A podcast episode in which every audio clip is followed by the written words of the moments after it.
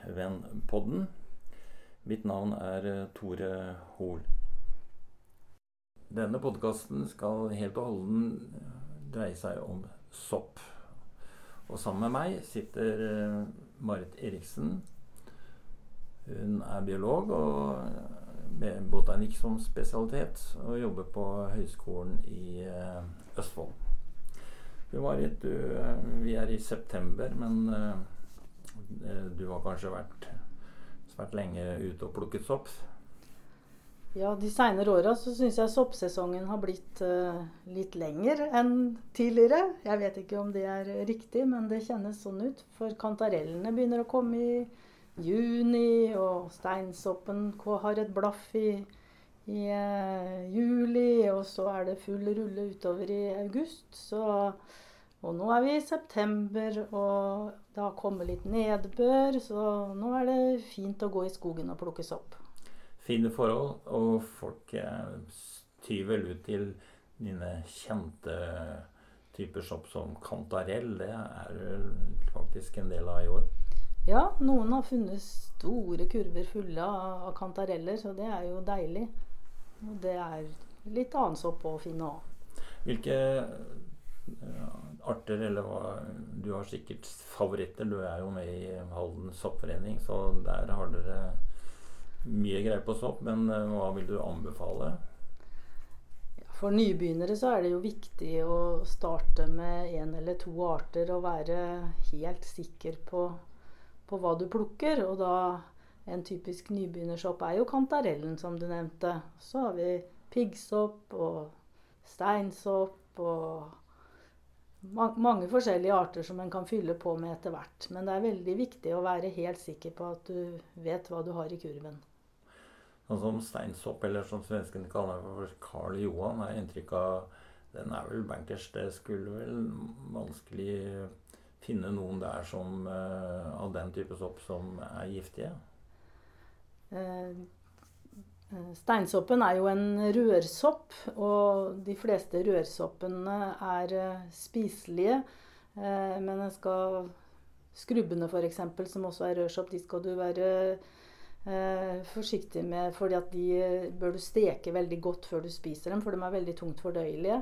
Steinsoppen er lett, lettere fordøyelig, og den jo, går jo for å være en delikatesse i, nedover i Europa. Kanskje noen har vært i Italia og spist risotto porcini. Da er det steinsoppen som setter den gode smaken på den risottoen. Men faktisk i år så er det en um, rørsopp som um, smaker veldig vondt, som heter gallerørsopp, som det har vært ganske mye av. Eh, og den kan nybegynnere forveksle med steinsoppen, så den er lurt å være klar over hvis du skal plukke steinsopp. Det kan du egentlig ta en bit av mens du er ute og samler. Da merker du fort at den ikke er, ikke er god. Ja, den er Sånn generelt så bør man ikke smake på sopp, men ute i skogen. For det kan være farlige ting. Men uh, den kjenner du er, er, Den har fått navnet sitt med rette. Uh, den kan du kjenne ved at han har et rosa skjær i rørlaget. Og har et helt annet årenett på, på stilken enn det steinsoppen har. Mm. Du nevnte Italia, men vi har jo en del for å kalle de nye landsmenn som samler sopp. Jeg vet f.eks. om russere er veldig glad i eh, å samle sopp. Det det er noe de har hjemmefra. Og da kan man dykke på ting som vi kanskje holder avstand fra. Ja, de har nok tradisjon for å spise et videre spekter av sopp enn det vi spiser. Eh, de salter ned sopp og, tilbereder sopp på mange måter. Eh, så det kan nok hende at uh, vi vil se at de plukker sopp som, som om du går på soppkontrollen og kontrollerer soppen din, så vil du få høre at det skal du ikke spise. Så, men det, de må jo holde seg unna de farligste tinga, de òg. Ja, men sopp eh, er jo et eget rike. Det er, ikke er det planter og ikke er det dyr, men eh, de er litt spesielle. Ja, soppen er på en måte litt midt imellom.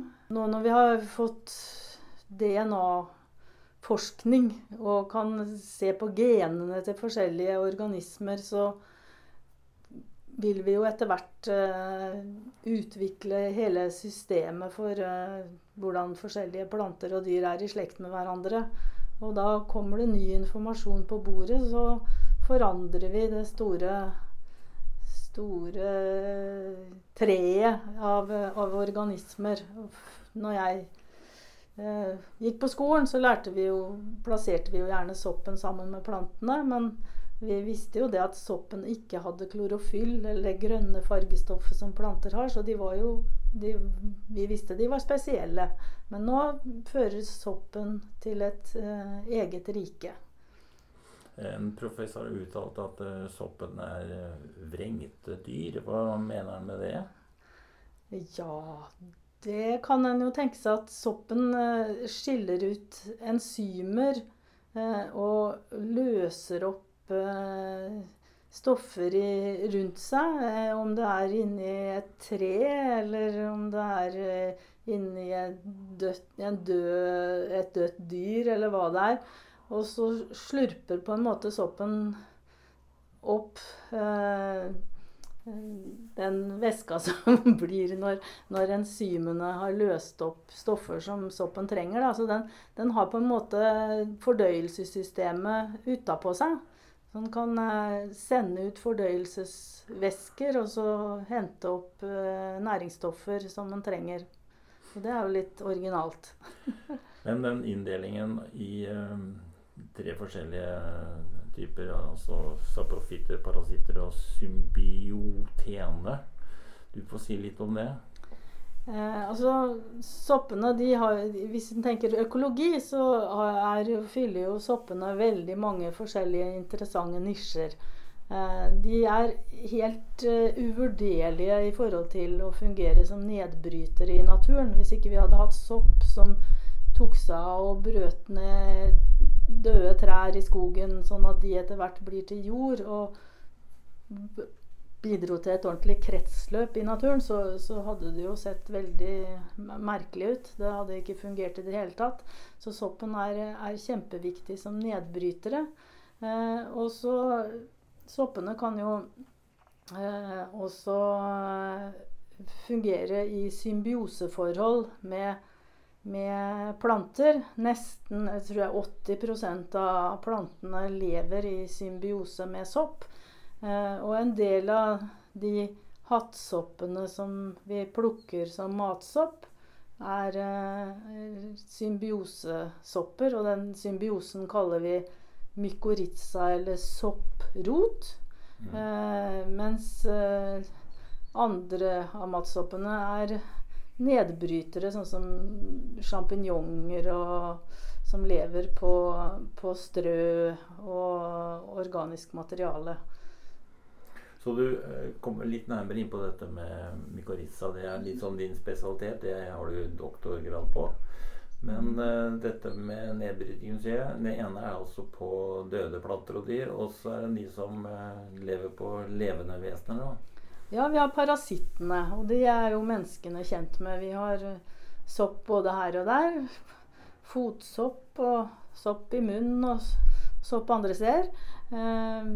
Så, og i de som dyrker planter, altså i jordbruket, så er det jo mange forskjellige sopp som er problematiske i forhold til landbruksproduksjon, som det i våre dager blir sprøyta mot.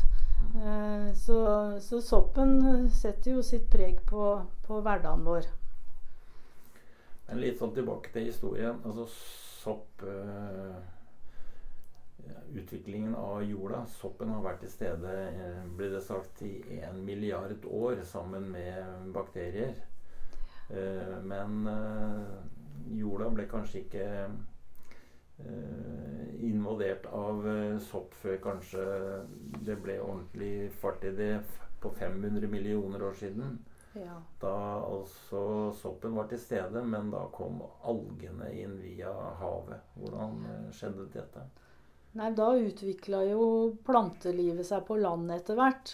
Og i den utviklinga så spilte soppen en veldig viktig rolle. Eh, fordi at soppen eh, gikk da inn i symbiose med de enk første enkle eh, landplantene. Vi kan finne igjen eh, planter i da som kan ligne med nålkapselmoser og eh, andre, andre, rare ting. Eh, og da, det soppen eh, gjorde da, det var at den bidro til å ta opp næringsstoffer. Eh, for de første landplantene hadde veldig dårlig utvikla rotsystem. Så da fungerte jo sopptrådene, sopphyfene, som eh, et utvida rotsystem på en måte. Og sørga for at eh, det ble tatt opp næring fra, fra grunnen. Og så fikk soppen, som ikke var produsent sjøl, som ikke har kunnet drive med fotosyntese, tilbake sukkerforbindelser fra, fra planta. Så det var starten, og da begynte det å bli moselignende planter på land? Ja, altså vi har noen andre planter som en har funnet fossiler av. En må jo holde seg til fossiler for å ja. Fundere på hvordan dette her var. Men en har jo også sånne enkle karsporeplanter som en antar er av de, de første landplantene. Og der har man faktisk greid å se eh, strukturer som man mener er eh, mykorrhiza, eller sopprot, hos, hos noen av disse. Og nå har vi sopp over det hele. Vi, altså Soppens formering er med sporer. du kan si litt om det. Men, og det puster vel ut og inn uh, nå i dette øyeblikk. Ja, soppsporer er det overalt. Og hvis vi har litt sånn uh, fuktige, dårlige bygninger, så kan vi få soppsporer som blir et helseproblem for folk. Så altså, om soppen skal vokse, det er, blir gjerne bestemt av om det er riktig temperatur og riktig fuktighet og riktig substrat. Så hvis de tingene er på plass, så soppsporer er det stort sett overalt. Så hvis vi lager gode forhold for soppen, så kan vi regne med at soppen vokser. Men de formerer seg ved hjelp av sporer, og det som vi ser over bakken, selve dette sopplegemet, det er jo bare si, toppen av is, isfjellet. Ja, altså soppene har jo eh, lange tråder som vi kaller hyfer, og som til sammen lager et mysel. Og når to eh, sopphyfer av samme arten treffer på hverandre, så kan de lage et mysel som, som sa, kan danne et fruktlegeme, da, som som vi ser. Og på det fruktlegemet som kommer opp av bakken Noen ganger er de nede i bakken òg, men de kan komme opp av bakken. Så, så dannes det sporer. Og de sporene kan igjen da vokse til et mysel nedi bakken eller inni, inni organisk materiale. Som, og så treffer de på sin egen art, og så kan de lage fruktlegemer. Det var veldig enkelt sagt. Men hovedtanken med Eller tanke er det ikke, men ideen med, med disse fruktlegemene og grunnen til at de har så veldig mange rare utforminger og strukturer og sånn, det er at uh, de skal prøve å spre sporene. Og det gjør de på veldig mange forskjellige måter. Og det er jo noe av det som gjør soppene så utrolig fascinerende. For at du har skivesopper, og da stikker du ut hyfeender med sporer på ut på skivene for at uh, det skal bli en kjempestor overflate å spre sporer fra. Og det samme prinsippet er egentlig rør, for der òg får du store overflater. Eh, noen sopp sprer sporer ved å lure til seg insekter. Vi har f.eks. stanksopp, som lurer til seg fluer som kommer og får klibbig sporemasse på beina og flyr og sprer det videre.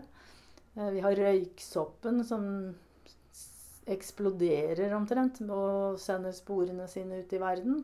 Så det å, å liksom ha det derre sporespredningsperspektivet når du ser på stoppen og så tenker hvordan foregår nå dette her, det er jo kjempespennende. Sporene de eh, flyr som vi nevnt eh, overalt. Vi finner det i lufta, og det var noe av bakgrunnen for at penicillinet ble oppdaget? Ja, det var jo eh, medisineren Flemming som, eh, som dyrka bakterier i sånne runde skåler, petriskåler som vi kaller det. Og la merke til at det kom noe soppvekst i en av de skålene. Og rundt den soppen så, så viste det seg at bakteriene døde. De, de, kunne ikke vokse. Og det ga jo en indikasjon på at i den soppen så var det et stoff som eh, kunne hindre bakterievekst. Og det var jo en stor oppfinnelse i forhold til sykdomsbekjempelse. For det er jo mange av sykdommene som plager menneskene, som handler om eh, bakterier. Eh, å få et middel, vi kaller det nå antibiotika, som kan hindre bakterievekst, det, det var eh, en stor sak. Tenker på mennesker døde av eh, lungebetennelse og blodforgiftning og e, enkle ting som nå fins midler mot. Men også lokalt her i Norge, på Hardangervidda, var det en forsker som begynte å grave i jorda. Ja, det var noen sveitsiske forskere i slutten av 60-tallet som var på, på, tur og tok med seg noen jordprøver for å kjøre litt sånn screening på hva de, hva de fant. Og fant en, en sopp som eh, man etter hvert fant ut eh, virka eh, til å dempe immunsystemet.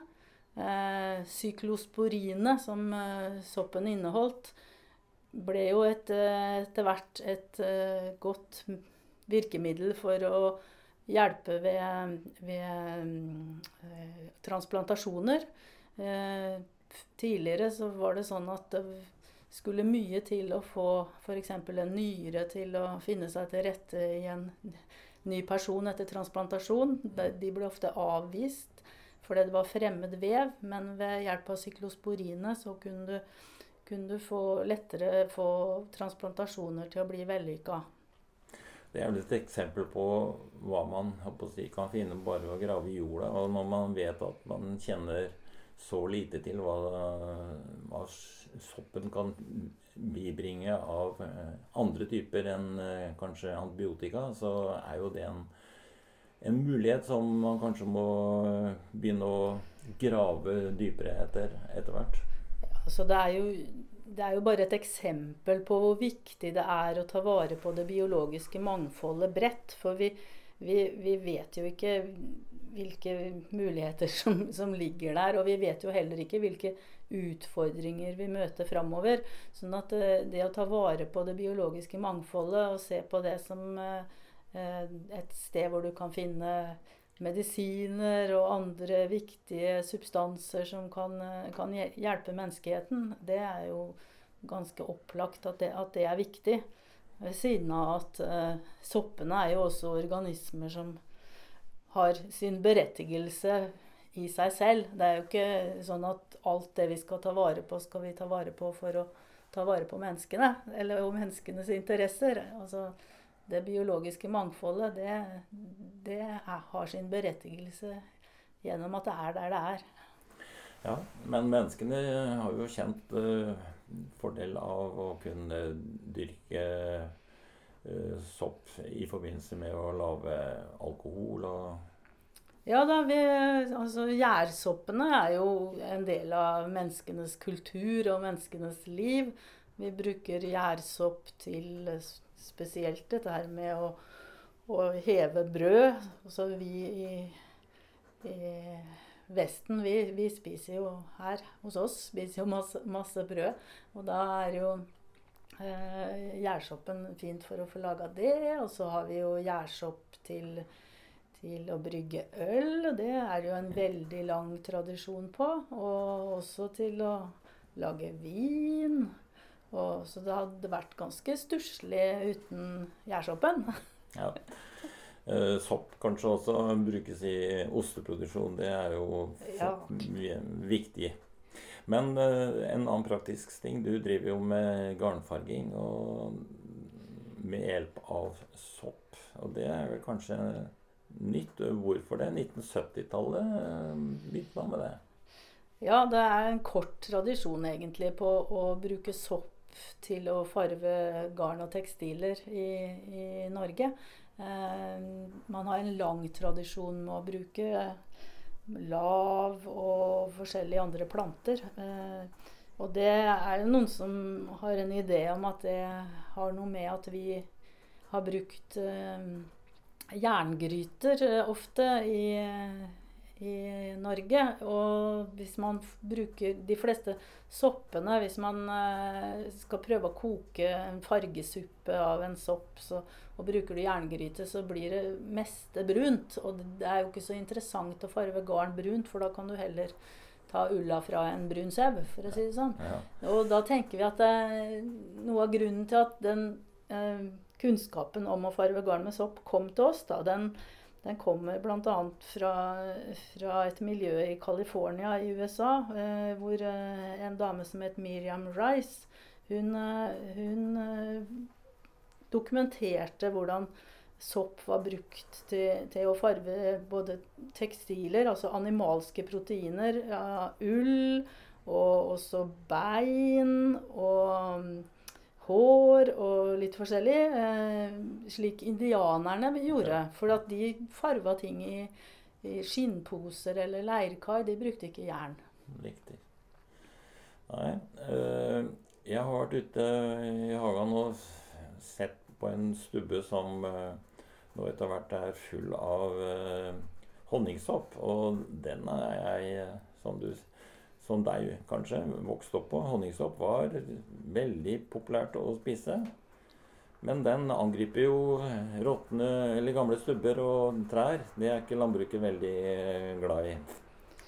Nei da, honningsoppen er jo en uh, parasitt er noen varianter av honningsopp skal visstnok være selvlysende til og med. Så det er jo egentlig en veldig sånn morsom biologisk organisme for oss biologer, da, men ikke så populær i, i skogbruket. Eh, og, men eh, som du sier, du har spist honningsopp, og jeg har spist honningsopp i oppveksten, og det har gått bra.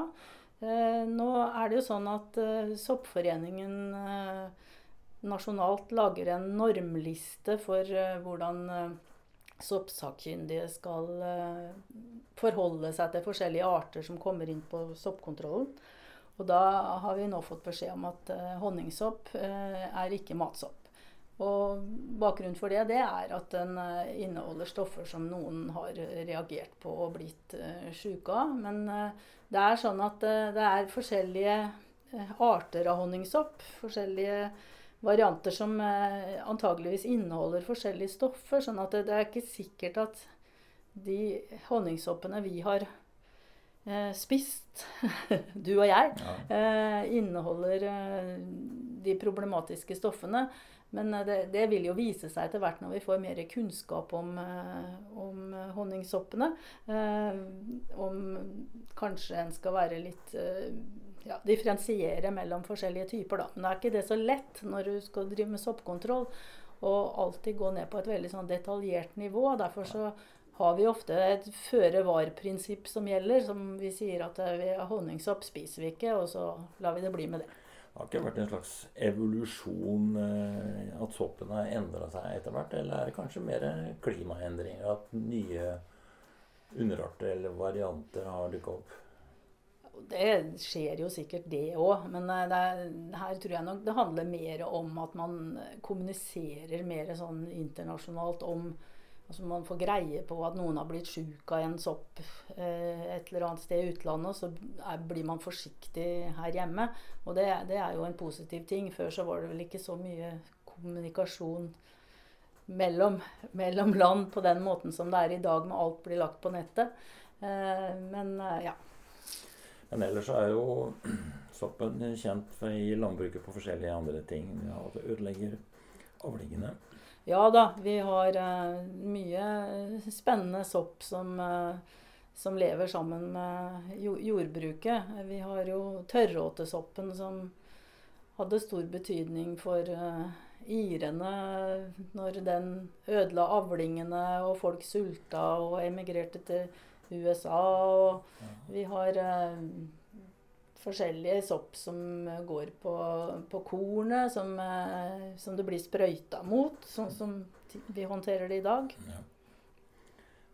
Din uh, doktorgrad, Marit, det var vel i utgangspunktet, så vidt jeg skjønte, knyttet til enger. Og da begynte du å dukke litt ned i rotsystemet og fant sopprot? Ja. De fleste artene som vokser uh, ja, Egentlig så alle, nesten alle planter som vokser rundt omkring, i hvert fall 80 tror jeg det er beregna, de har sopprot. Og et fint navn for sopprot, det er mykorrhiza. Mykor er sopp, og ritza er rot. Eh, og mm, det er jo eh, spennende å se litt nærmere på hva som foregår nede i, nede i bakken, da. Uh, og jeg undersøkte Det starta med at jeg skulle se litt nærmere på bakkesøte, som er en av de første artene som forsvinner når vi slutter å slå engene. Vakker, vakker plante Eh, og så fant jeg ut at den hadde jo en, en røtter som var fulle av eh, sopptråder. Jeg kunne farge de sopptrådene sånn spesifikt, så de skilte seg fra det andre vevet inne i rota. Eh, og det var jo tydelig for meg at den hadde veldig lite rotsystem.